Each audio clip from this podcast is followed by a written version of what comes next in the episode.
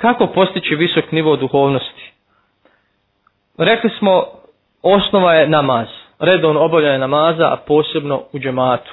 Posebno u džematu, jer nije isti namaz kod kuće u džematu, svi to znamo, a i u tome je govorio poslanik alaih salatu wasalam, da je namaz u džematu 25 puta ili 27 vrijedniji od namaza kad klanjamo pojedinačno, ne samo na vagi, na mizanu, nego vrijednije u smislu da ostavlja više traga na čovjeku. Mi to znamo i osjećamo. Kad klanjamo u džami, puniji smo nego kad klanjamo kod kuće. Sigurno za ovaj omjer koji se spominje u hadisu. Za 25 puta smo duhovno puniji kad klanjamo u džami nego kad klanjamo kod kuće. Prvo što trebamo učiniti jeste prema Allahu izgraditi jedan odnos roba prema svome gospodaru. Da ne zaboravimo ni u jednom momentu da smo mi robovi. A šta znači biti rob? Znači da smo nečijem vlasništvu, da nismo potpuno slobodni. Mi smo slobodni. Mi smo Allahovi robovi. Mi smo u njegovom vlasništvu. I druga stvar, da bez njega ne možemo nijednog momenta. Na to nas je posjetio uzvišen Allah u jednom od ajeta gdje kaže Udu billahi mne šeitan ređim Ja ayuha alladhina amanu antumul fuqara'u ila Allah wallahu huwal ganiyul hamid. Kaže o ljudi, o vjernici, ovi koji vjerujete. Vi ste Allaha potrebni, odnosno vama je Allah potreban. A Allah je neovisan, njemu niko ne treba i on je hvale dostojan. Znači mi smo potrebni, Allah je nama potreban, mi ne možemo bez njega. I kad se stvori taj osjećaj, taj odnos prema Allahu, to je znači svakako uzrok da podignemo svoj nivo duhovnosti, da budemo jači duhovno i imanski. Drugo je upotpunjavanja ibadeta. Odnosno da ibadete vršimo onako kako je propisano, onako kako treba, da posvetimo, da se posvetimo ibadetima, odnosno njihovoj suštini. Da ne gledamo na kvantitet, nego da više gledamo na kvalitet. Da nam uvijek bude na umu hadis poslanika ili salatu wasalam gdje kaže da Allah ne gleda u, vaša, u vaše likove, kakvi ste. Pa, pa ni u vaše djela, nego gleda u vaše nijete ili vaše namjere. Nijet je suština i bi djela i to je kvalitet, to čini djelo kvalitetno. Zato je ovaj dunjaluk jedan ispit za čovjeka. Ispit gdje kaže uzvišen Allah li je bluakum ejukum ahsenu amela. Da vas ispita, iskuša, da vidi ko će bolje ili ko će bolja djela činiti ili ko će bolje činiti djela. Kažu mu fesiri, odnosno ko će iskrenije djelo učiniti i ispravnije. Ko će iskrenije i ispravnije učiniti djelo.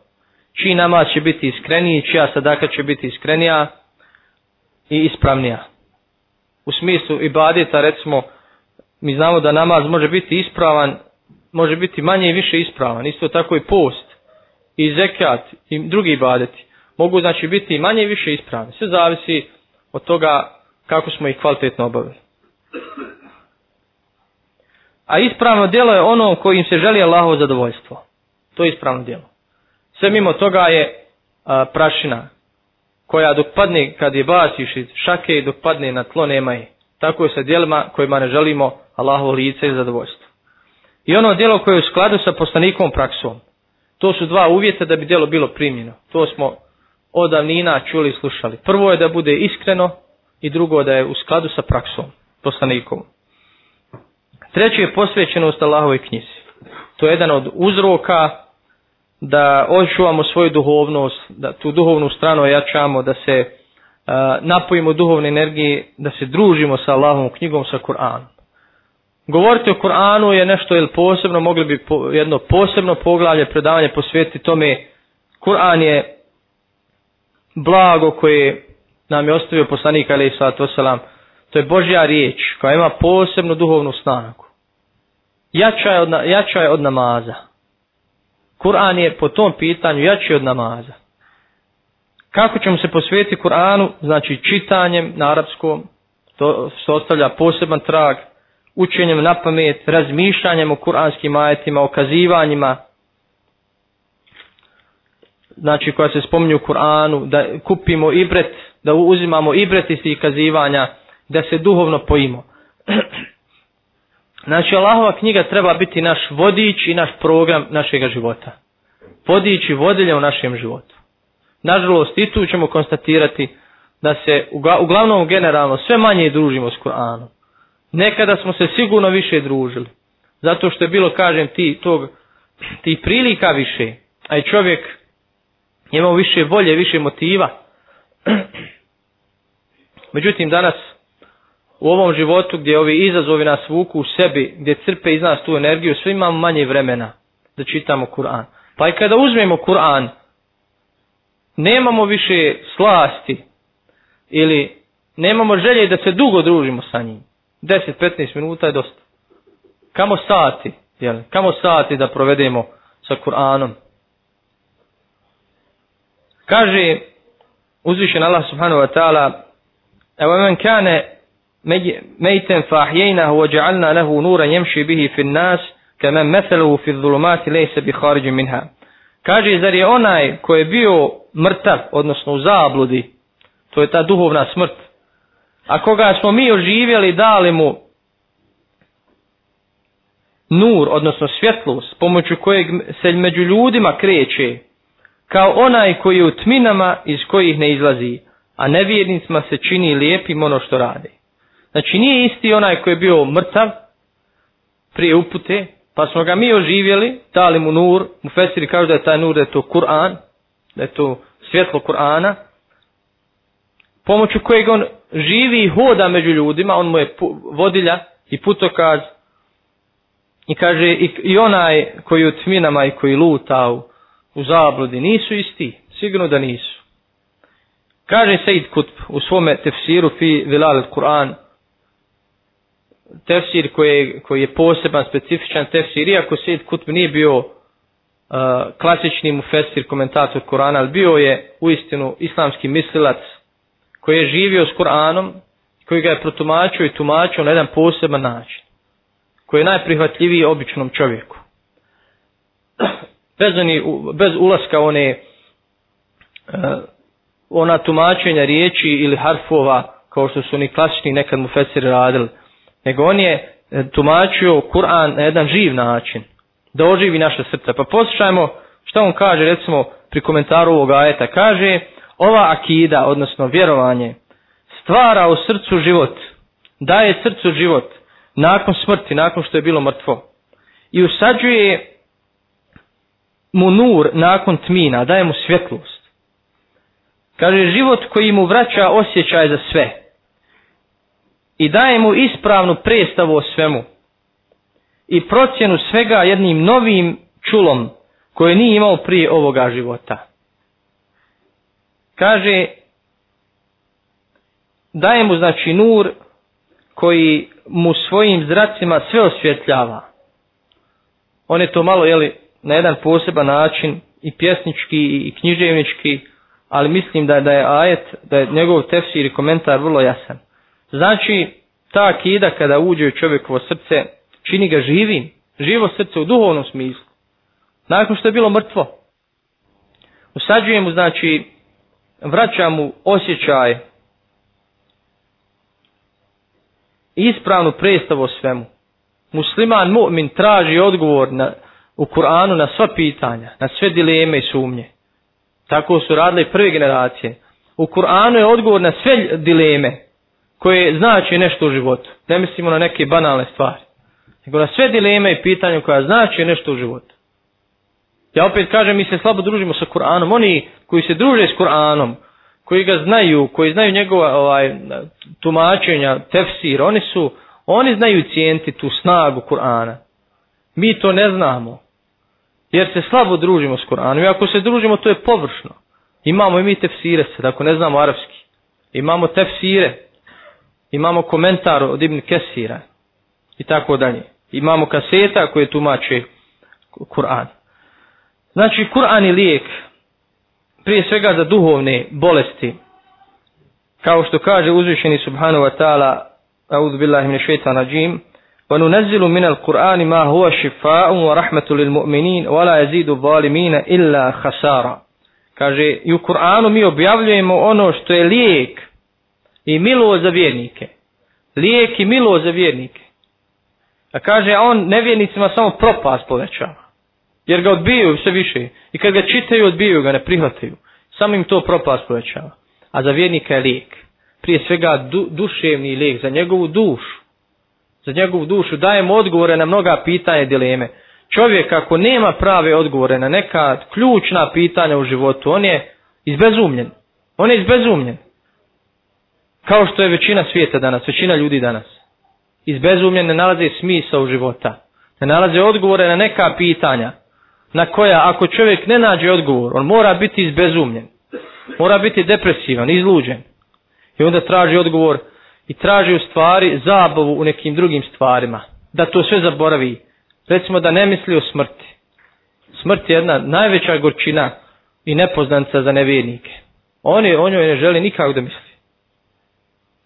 Jer to znači da život nema smisla, to znači kraj svega, svim uživanjima, kraj, kraj smislu njihovog života. Dok za vjernika nije to tako. Vjernik zna šta je smrt, jasno mu u potpunosti sve kao što mu, jas, kao što mu jasan dan, jeli, kad, kad svane, sve mu je jasno po pitanju i života i smrti i poslije života i tako dalje. Zato je po tom pitanju smiren. S druge strane, Kur'an samim čitanjem Kur'ana liječimo svoju dušu.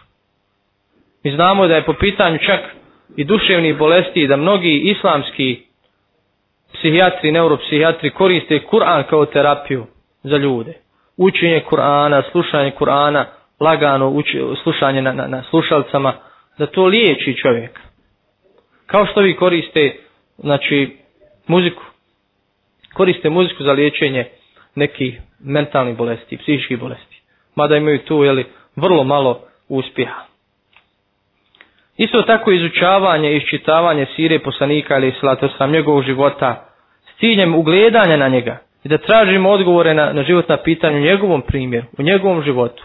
Da se ugledamo kakav je on bio u ibadetu, kakav je bio odnos prema ljudima, kako on prevazilazio životne nedaće i životne prepreke. Jer nam je on uzor.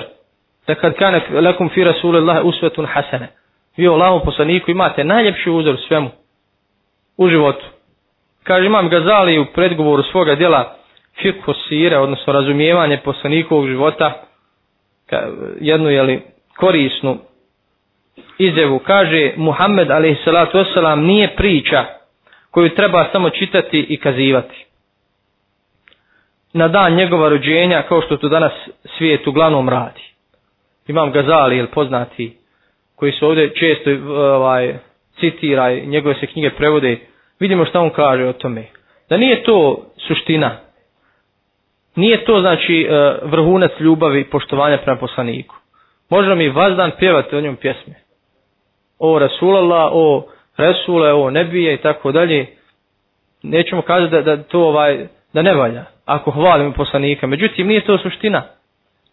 Suština je da slijedimo njegov put, da budemo kao on. Zbog toga je poslan. Oma arsalnaka ila rahmetel lil alamin. Mi smo te poslali kao milo svjetovima, kao uzor ljudima. Nema smisla da da poslanika hvalimo, opjevamo, opjevamo ga znači u, u tim kasidama i hvalospjevima, a poslije kad iziđemo na ulicu opet živimo svojim životom. I džami odimo u kafanu ili e, samo klanjamo kad je to okupljanje, a poslije vratimo svom svakodnevnom životu. Znači, na poslanika se treba ugledati i slijediti ga u svim segmentima života. Islam nije samo posvećen ibadetima, nego u svim segmentima života, u odnosu prema drugima, u njegove blagosti, strpljivosti i tako dalje, u poniznosti, skromnosti na Dunjaluku, gdje on bio primjer u svemu. Ako želimo najbolji primjer, trebamo se ugledati na poslanika, ali i salatu Koji izrecimo samo, uzet ćemo jedan primjer njegove skromnosti kad su ga pitali o Dunjalu koji njegovoj, njegovoj nezainteresiranosti ne, ne za Dunjalu, kaže šta ja imam sa Dunjalukom? Znači vrlo jednostavna izjava, vrlo jednostavan hadis i poruka. Kaže ja sam na Dunjaluku kao konjenik, prolaznik, putnik koji, je, koji se sklonuo u hlad jednog drveta, a zatim kaže o, nastavio i ostavio to drvo. Znači ta, to je kaže takav je moj odnos prema Dunjaluku. I naravno dao nam je dao nam je sliku kako da se mi postavimo prema dunjalku. Sklonili se u hlad, odmorili malo i nastavili svoj put ka vječnosti. I na kraju ono što je najbitnije, zato što se može sprovoditi i realizirati u svakoj situaciji, to je dikri spominjanja Allaha subhanahu wa ta'ala, to je opet jedno posebno poglavlje o se može govoriti, zikr je specifičan zbog toga što ga možemo uvijek činiti. Za razliku recimo od namaza, za razliku od učenja Kur'ana, kada smo najzauzetiji, možemo zikr činiti. Allaha spominjati, la haula wa la kuvata illa billah, tu daje snagu duhovnu čovjeku, istikfar činiti, posebno u vremenima kad nam se grijesi lijepe po nama, htjeli mi ne htjeli, kao one mušice, kad, kad idete, jele, ovaj, bilo pješce ili autom, lijepe se po tebi, ti nećeš, one se lijepe. Tako isto u ovim vremenima grijese po nama lijepe, iako ih ne želimo. Zato je potreban istikfar, e, traženje oprosta svakodnevno. Znači, iako živimo u budnim vremenima, u jednoj borbi za egzistenciju, za opstanak opći, to je potrebno, razumijemo to, jele, da čovjek mora da zaradi za sebe svoju porodcu, ali ne smije dozvoliti da ga to slomi i da ga to u potpunosti duhovno istrpi, da na kraju postane kao šupalj balvan, okolo izgleda dobro unutra, jeli, truhlotina, i to je znači primjer kada čovjek duhovno malaksa i kada duhovno umri. Kažem, ovo je vrijeme kada e, se ta energija duhovna snaga brzo crpi, zato je potrebno neprestano da se duhovno punimo i da više pažnje posvetimo duhovnoj strani svoga života nego materijalnoj. Iako ni materijalno ne treba zapostaviti kao što kaže uzvišeni e, vola ten se na sibe kemene dunja i nemoj zaboraviti svoj udio na ovome svijetu. To se više misli na ovaj materijalni dio ili materijalnu stranu života. Ja molim Allaha subhanahu wa ta'ala da nas učini iskrenim, da nam podari snage i motiva i volje da ustrajemo na ovome putu, da nas duhovno napoji, nahrani, da izdržimo ovaj put dok ne zaslužimo njegovo zadovoljstvo i njegovu milost.